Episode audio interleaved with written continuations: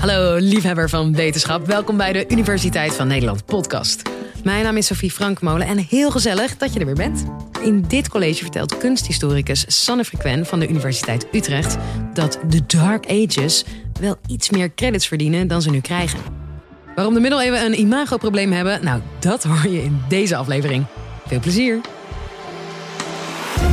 Dit is de Universiteit van Nederland.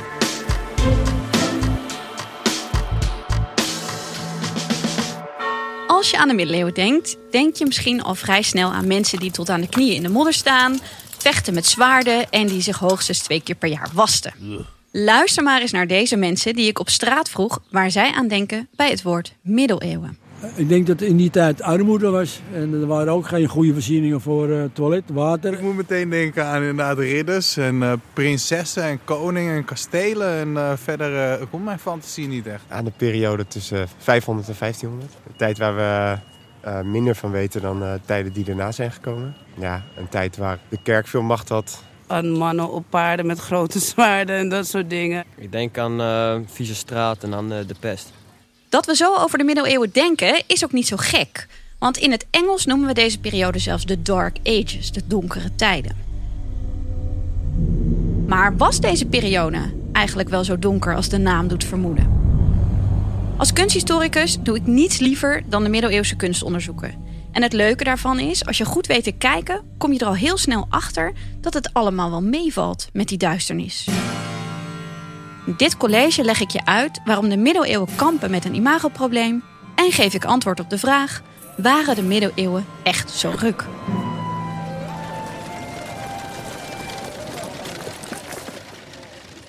Voordat ik die vraag kan beantwoorden, moeten we eerst even stilstaan bij wanneer die middeleeuwen nou precies zijn. Traditioneel beginnen de middeleeuwen in 476 met de val van Rome. En ze eindigen in 1492 met de ontdekkingsreizen van Columbus. Afgerond heb je het dan over een periode van zo'n pakweg 500 tot 1500, dus 1000 jaar, die strak ineengeklemd zit tussen enerzijds de klassieke tijd van de Grieken en de Romeinen en anderzijds de Renaissance. En dat we nu nog zo'n slecht beeld hebben van die middeleeuwen, dat komt deels door die kunstenaars en filosofen van de Renaissance. Want zij maakten als eerste het onderscheid tussen de klassieke oudheid en de middeleeuwen. Een voorbeeld hiervan is de dichter Petrarca. Petrarca leefde eigenlijk tijdens het staartje van de middeleeuwen. En hij vond dat zijn tijd eigenlijk alleen maar kwebbelkunstenaars voortbracht. En dit was een hele grote tegenstelling met de tijd van de grote dichters zoals Ovidius en Vergilius. Die wisten volgens hem pas wat echte poëzie was. Adorat praetere aut supplex ari simpane tanare, flammato. De kunstenaars van de Renaissance die streefden naar de wedergeboorte van de klassieke tijd. En een man die hier een hele belangrijke rol speelde was Giorgio Vasari. En Giorgio Vasari leefde in Florence in de 16e eeuw en hij was als schilder in dienst van de machtige hertog Cosimo de Medici. Vasari schreef een heel belangrijk boek, de zogenaamde Vitae, waarin hij de levens van kunstenaars besprak, inclusief alle sappige roddel en achterklap. En in dat boek gebruikte hij voor het eerst de term rinascita. En rinascita, dat betekent letterlijk wedergeboorte of hergeboorte. Vasari die vond die middeleeuwse kunst gotisch, wat voor hem het synoniem was van barbaars of achterlijk. En hij vond het dus ook heel belangrijk dat de kunstenaars in zijn tijd hun best deden om de klassieke cultuur te laten herleven. Dus hun beelden moesten lijken op klassieke beelden, hun gebouwen moesten lijken op klassieke tempels en in schilderijen namen ze allerlei klassieke elementen zoals zuilen, frontons, etc. op. En ze probeerden dus eigenlijk die kunst van de oudheid te kopiëren. Het allerbekendste voorbeeld van een renaissance kunstenaar en volgens Vasari de allergrootste kunstenaar die ooit had geleefd, is natuurlijk Michelangelo. En Michelangelo ken je van de Sixtijnse kapel, de fresco's, met daarin bijvoorbeeld de schepping van Adam. Denk even Adam aan de ene kant op een wolk, God aan de andere kant en dan die twee vingers die elkaar bijna raken. Door die denkers van de Renaissance werd er dus voor het eerst terug de geschiedenis ingekeken. En zij gebruikten de metafoor van licht en van donker om het verschil te maken tussen hun eigen tijd en de eeuwen daarvoor. Er was een donkere periode van de middeleeuwen na de val van het Romeinse Rijk. En die verlichte periode begon duizend jaar later met de herontdekking van de klassieken in de Renaissance. Goed, de mensen na de middeleeuwen vonden dit dus een hele barbaarse tijd, maar was dat ook zo? Ik kan je een periode van duizend jaar afschrijven als donker, onbelangrijk en zelfs een beetje achterlijk. Allereerst moeten we erbij stilstaan dat deze periode maar liefst duizend jaar omvat. En het is natuurlijk sowieso vrijwel onmogelijk om over zo'n lange tijd generaliserende uitspraken te doen. En daarom wil ik er een paar hardnekkige vooroordelen uitlichten. Ten eerste is het helemaal niet zo dat het hele Romeinse Rijk viel toen de laatste keizer werd afgezet in het jaar 476. Ruim 100 jaar eerder, in 330, had zijn voorganger, keizer Constantijn, besloten dat er een nieuwe hoofdstad moest komen voor dat Romeinse Rijk. En dat werd Constantinopel, het huidige Istanbul. En later werd besloten om dit gigantische rijk administratief op te delen in het Oost-Romeinse Rijk met als hoofdstad Constantinopel en het West-Romeinse Rijk met als hoofdstad Rome en later Ravenna. Na de val van de West-Romeinse keizer bleef zijn collega in het oosten nog heel stevig in het zadel zitten. En dit Oost-Romeinse Rijk zou uiteindelijk tot 1453, het moment van de verovering van Constantinopel door de Turken, tot een einde komen. En ook in het Westen werden de Romeinse keizers niet vergeten, want zij waren voor de middeleeuwse vorsten een heel belangrijk voorbeeld. Neem bijvoorbeeld Karel de Grote. Hij leefde in de 8e eeuw en was een van de belangrijkste heersers in het Westen. Hij werd in het jaar 800 gekroond door de paus tot keizer van het West-Romeinse Rijk. En daarmee plaatste hij zich dus rechtstreeks in de voetsporen van de Romeinse keizers in de klassieke oudheid. En deze Karel deelde niet alleen de titel met de keizers, hij liet zich ook op zijn munten afbeelden als een Romeinse keizer. Hij deed dat en profiel, vanaf de zijkant gezien, met een lauwerkrans op zijn hoofd. En wat ik een heel leuk detail vind, is dat hij zichzelf dan wel een hele grote hangsnor liet aanmeten. Zoals je die bijvoorbeeld ook wel ziet bij Asterix en Obelix. Ook gebouwen die hij liet stichten lijken op klassieke gebouwen. En het belangrijkste voorbeeld hiervan is de Paltskapel in Aken. En je kan deze kapel nog steeds gaan bekijken. Karel vond dat Aken het nieuwe Rome moest worden en hij leende voor zijn kapel de ronde vorm, de centraalbouw, van gebouwen die werden gebouwd in het Oost-Romeinse Rijk, waar dus die keizer nog steeds stevig in het zadel zat. En ook ging zijn bouwheer Odo van Metz actief op zoek naar bouwmateriaal dat met de klassieke oudheid werd geassocieerd. En we noemen dat spolia. En spolia kan je vertalen als roofbuit.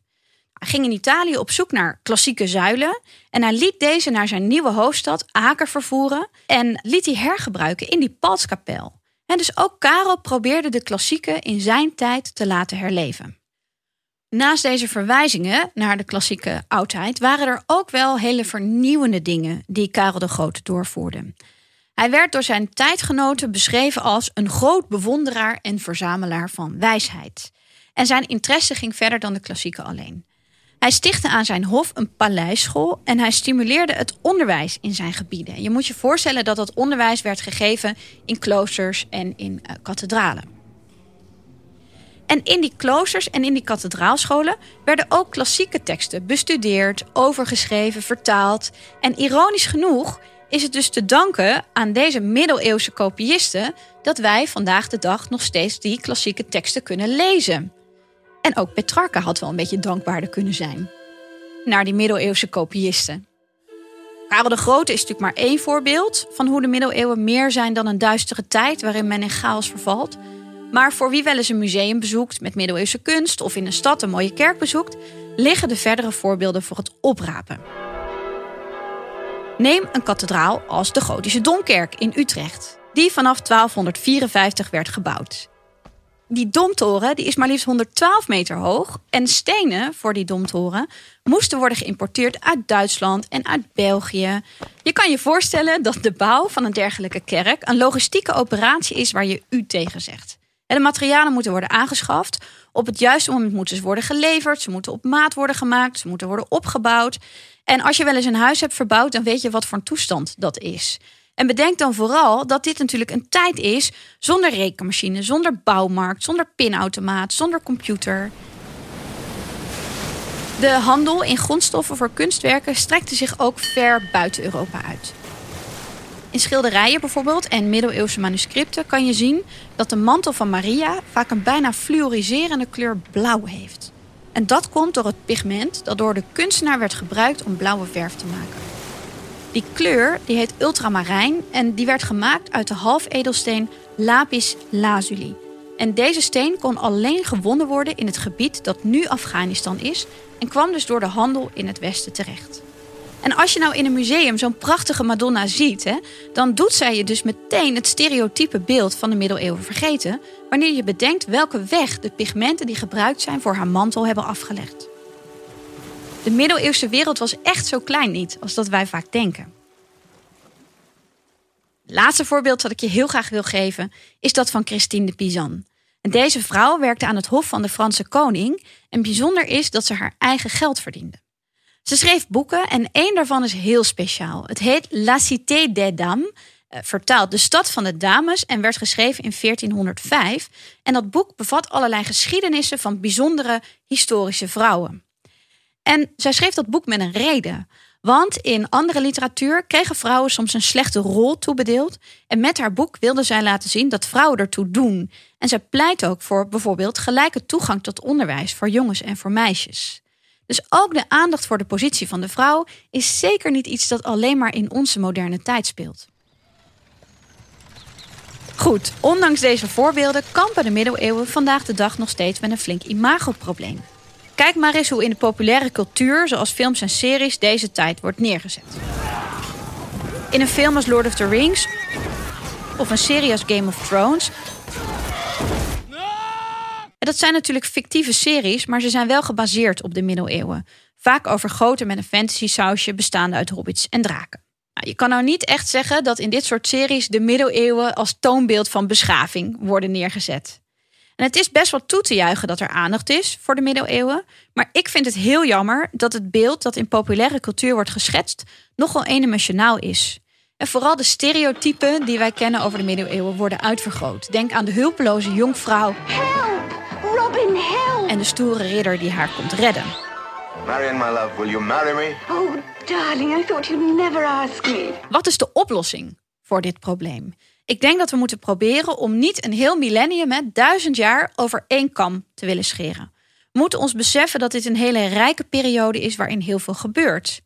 En als we goed kijken naar wat ons door de middeleeuwers is nagelaten, denk aan kunst, denk aan literatuur, architectuur, dan kunnen we proberen om het echte verhaal van de middeleeuwen beter te begrijpen. Dus om terug te komen op de beginvraag, waren de middeleeuwen echt zo ruk? Nou, dat viel dus allemaal best wel mee. Hè? Het was niet zo alsof er na de val van Rome een hele grote breuk ontstond en er duizend jaar niks noemenswaardigs gebeurde.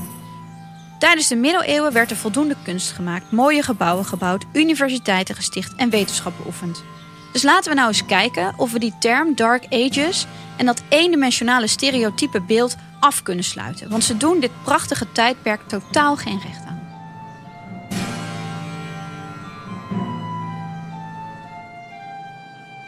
Je hoorde Sanne Frequen. En hey, vond je dit nou een leuk college? Word dan vriend van de show. Voor maar 2,50 euro per maand kun je ons al steunen. En met jouw hulp kunnen we twee keer per week een podcastaflevering blijven uitbrengen. Zodat iedereen kan blijven leren van de allerleukste wetenschappers van Nederland. Dus ja, ik zou bijna zeggen, waar wacht je nou op? Word lid van de nieuwsgierigste vriendengroep van Nederland via de link in de beschrijving. Tot de volgende!